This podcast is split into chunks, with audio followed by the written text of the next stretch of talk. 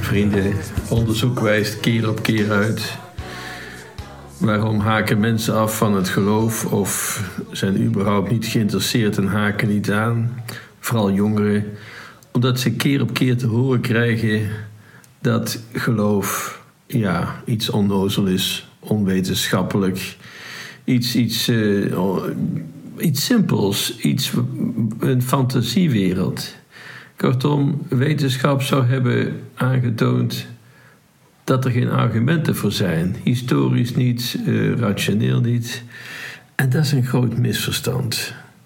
Geloof en wetenschap, verstand en, en geloof, het staat niet op gespannen voet. Zolang jongeren denken dat het wel zo is, ja, vormt dat een enorme struikelblok. Want ja, waarom zou je tot geloof komen als je denkt van ja, het is allemaal maar fantasie en verzonnen? Maar zo is het niet. De drie koningen. Het is vandaag het feest van openbaring des Heren, anders gezegd drie koningen. Die kunnen ons hier misschien bij helpen. Wie zijn dat, deze drie koningen? Magoi worden zij genoemd in de Bijbel wijzen, astronomen, wetenschappers. De sterrenkundige kennis in die tijd was overigens bepaald niet gering. Het waren bepaald geen eh, simpele zielen. We weten dat heel veel wetenschap verloren is gegaan van die tijd en later pas weer is opgebouwd. Hoe keken zij naar de sterren? Ze kenden de sterrenhemel, die bestudeerden ze. Ze wisten van de baan van de sterren. En dan komt er ineens die vreemde ster die ze nooit gezien hebben. Die drie koningen kwamen trouwens uit totaal verschillende streken. Hè? En, uh, maar wel alle drie wisten ze, die moeten we volgen, want dit is een teken. Vergeet niet, eeuwen en eeuwen tot vrij recent eigenlijk, geloof en wetenschap, geloof en verstand, dat was één geheel. Dat stond niet haaks op elkaar, zoals dat in onze tijd is. Een wetenschappelijke kennis liet hen die ster kennen en herkennen. En het was hun geloof dat ze er een, een teken zagen dat ze op weg moesten gaan. Het was hun kennis dat het hen op weg deed gaan. En het was hun geloof dat hen bij het kind in de kribbe bracht. En toen ze daar waren, ze knielden voor hem neer. Ze beseften, hier is God zelf aanwezig de schepper van hemel en aarde. En daarom gaven ze hun kostbaarste geschenken. Geloof en verstand, nee, het staat niet haaks op elkaar. Het gaat samen. Je hebt trouwens alle twee nodig. De, de gelovigen, de wetenschappers, ze hebben het altijd geweten, het hoort bij elkaar. Denk aan Thomas van Aquino, de heilige met het grote verstand. Denk aan Augustinus, en denk in deze dagen ook aan Paus Benedictus XVI. Aan het begin stond van mijn roeping en ik heb toen gelezen De kern van het geloof. Het boek van Benedictus, inmiddels meer dan 50 jaar oud, dat boek uit de jaren 70. Zo helder, zo overtuigend. Het maakt het geloof geloofwaardig. En het is ook deze Paus Benedictus die refereert aan de evangelist Johannes. En Johannes spreekt over Jezus en over God als het woord, de logos. Dat, dat vinden wij een, een, een, lastig begrip. Maar denk maar aan God die sprak en het kwam in het bestaan. God is de schepper van al wat is. Hij sprak en het bestond, de logos. En hij, Benedictus verwees ook vaak naar de proloog van het Johannesevangelie. En dat hebben we gehoord op eerste kerstdag. Matthäus in de kerstnacht, die beschrijft heel beeldend het, het, het, ja, de situatie, het kerstverhaal. Je ziet het zo voor je. Een, een kribbe, een huisje, een stal, Maria en Jozef, een os en ezel, herders en koningen. En dan op eerste kerstdag, Johannes de evangelist, precies hetzelfde verhaal, maar dan totaal anders verwoord. Hij ziet meteen de diepste betekenis van het kind in de kribbe. In het begin was het woord. In het begin, aanvang van de hele wereldgeschiedenis, stond het woord. God sprak en hij heeft het in het bestaan geroepen. Het verwijst naar God. En het woord is vlees geworden. Het God is mens geworden. Het kind in de kribbe, God zelf. Het heeft onder ons gewoond. Zeker. De apostelen, de leerlingen, velen in die tijd, die hebben hem gezien, gehoord, hem zijn stem gehoord. Die konden hem aanraken. En het heeft onder ons gewoond. En wat zegt Johannes ook? Door het woord, door God, is alles in het bestaan gekomen. Kortom, het is niet een kwestie van, van toeval dat alles in elkaar zit, zoals het toevallig in elkaar zit. Nee, er zit een idee achter. En als je het hebt over een idee, dan heb je het ook over logica. En als je het over logica hebt, dan kan het onderzocht worden. Als iets niet logisch in elkaar zit, dan valt er niks te onderzoeken. Maar als iets logisch in elkaar zit, zoals de schepping dat is, dan kun je dat onderzoeken. En dat is wat wetenschap doet. Het is trouwens de kerk die altijd wetenschap gestimuleerd heeft. Ook de oprichters zijn van de oudste universiteiten. In Frankrijk, in, in Engeland. Met de gedachte, als God alles geschapen heeft, is dat meer als de moeite waard om dat te onderzoeken. Dat hebben ze ook gedaan. Er zijn zoveel diepgelovigen die wetenschappers zijn.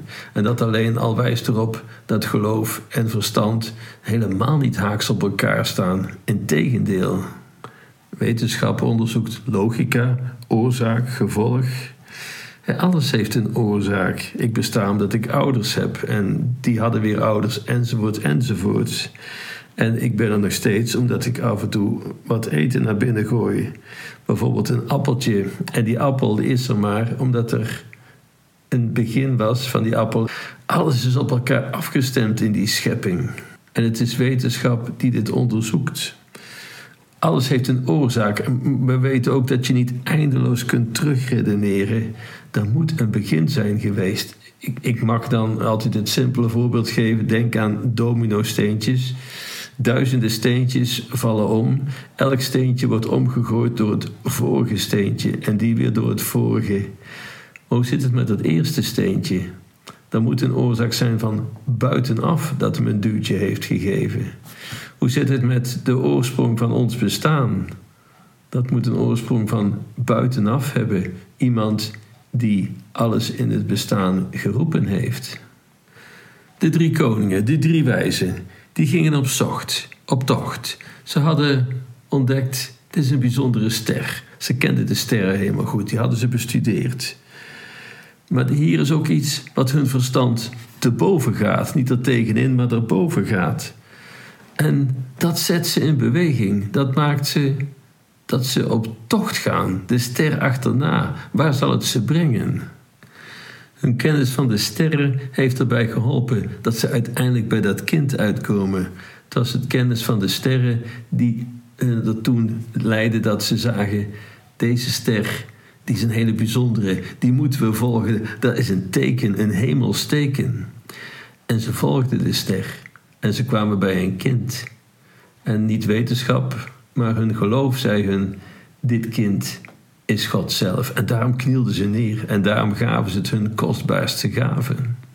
Wetenschap, verstandelijk redeneren kan ons helpen om dichter bij God te komen, om het geloof geloofwaardig te maken.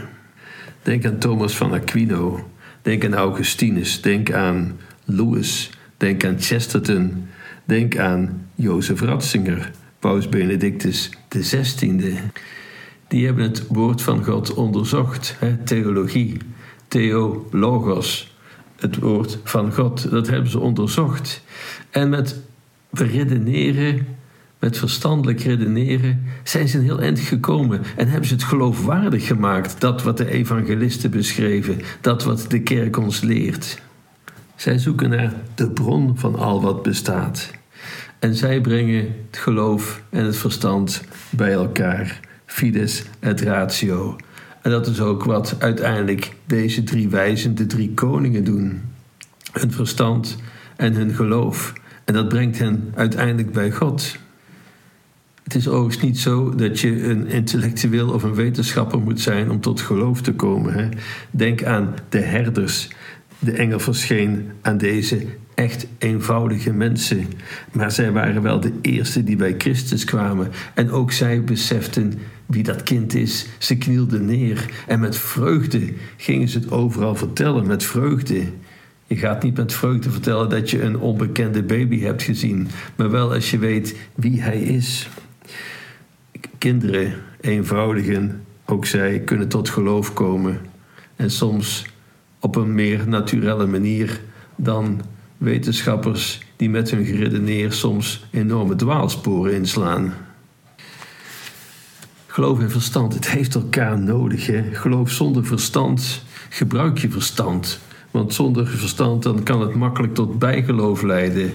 Of tot alleen maar sentimenten. En die komen en die gaan. Dat, ligt, dat gevaar ligt op de loer. Ehm, verstand heeft ook geloof nodig, want alleen door rationaliteit, dan kun je ook heel cynisch worden. En rationalisme, dat is ook niet alles. Dat brengt ons niet waar het ons moet brengen. Even in het kort, wat, wat is geloof nou eigenlijk?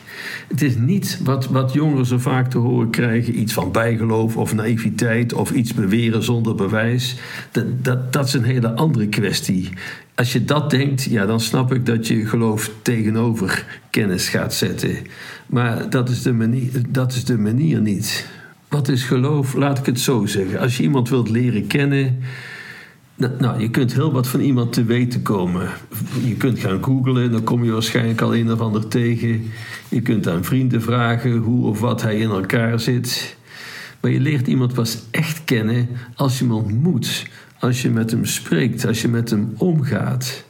En dan leer je dingen kennen die, die je niet op internet vindt. Maar dan leer je iemand kennen van hart tot hart. En dan kom je op een gegeven moment op een punt van: geloof ik hem?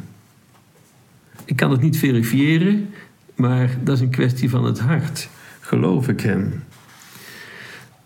En zo is het ook met God. Zo kun je ook God leren kennen. Eh, nou, door je verstand, door te redeneren, zoals uh, Paus Benedictus deed en Thomas van Aquino en vele anderen. En daar, daar kun je heel wat te weten komen over God. Verstand kan je echt op weg helpen, weet dat. Maar de diepste waarheid van God, die leer je pas kennen als God zelf spreekt. Als je Hem ontmoet, dan laat Hij zijn hart kennen. En we kunnen Hem leren kennen. Hij is onder ons gekomen en degenen die Hem ontmoet hebben, die hebben dat beschreven. En de vraag is dan uiteindelijk, geloof je Hem? Jezus doet dat trouwens ook heel nuchter als hij gevraagd wordt: hoe zit het? Kom en zie, zegt hij. Oftewel, ga met hem mee door die Bijbel.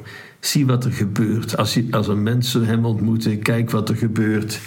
En dan, geloof is dan, wat is dan geloof? Het is dat moment dat je zegt: Ik geloof hem, het is waar. Ik geloof dat Jezus echt Gods zoon is. Dat ik hier te maken heb met God zelf. Geloof is een kwestie ook van vertrouwen. En ook van iemand houden. Je kunt niet van iemand houden op grond van feitelijke gegevens. Dat kan echt niet. Maar pas als je iemand echt leert kennen van hart tot hart. Tot slot dit. Geloof is niet irrationeel. Het gaat niet tegen het verstand in. Weet dat. Het overstijgt het wel. Schakel je verstand niet uit. Waarom? Hoe kun je catechese geven zonder je verstand te gebruiken. Want als je je verstand niet gebruikt, kun je het ook niet uitleggen. Je kunt niet zeggen: Ik geloof omdat ik geloof. Nee, we hebben argumenten. En bovendien, we moeten ook ons verantwoorden, zoals Petrus zegt: hè? getuigen van je geloof. Je verantwoorden. Dat kan ook alleen maar als je argumenten hebt. En die hebben we. Historisch, rationeel. En dat kan een brug slaan tot het ware geloof. and I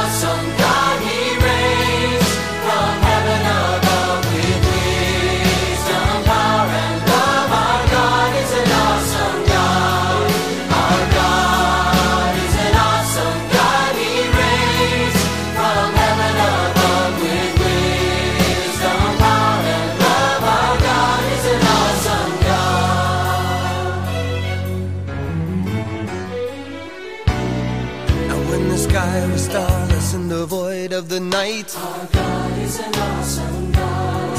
He spoke into the darkness and created the light. Our God is an awesome God. Judgment and wrath he poured out on Sodom, and mercy and grace he gave us at the cross. I hope that we have not too quickly forgotten that our God is an awesome God. Our God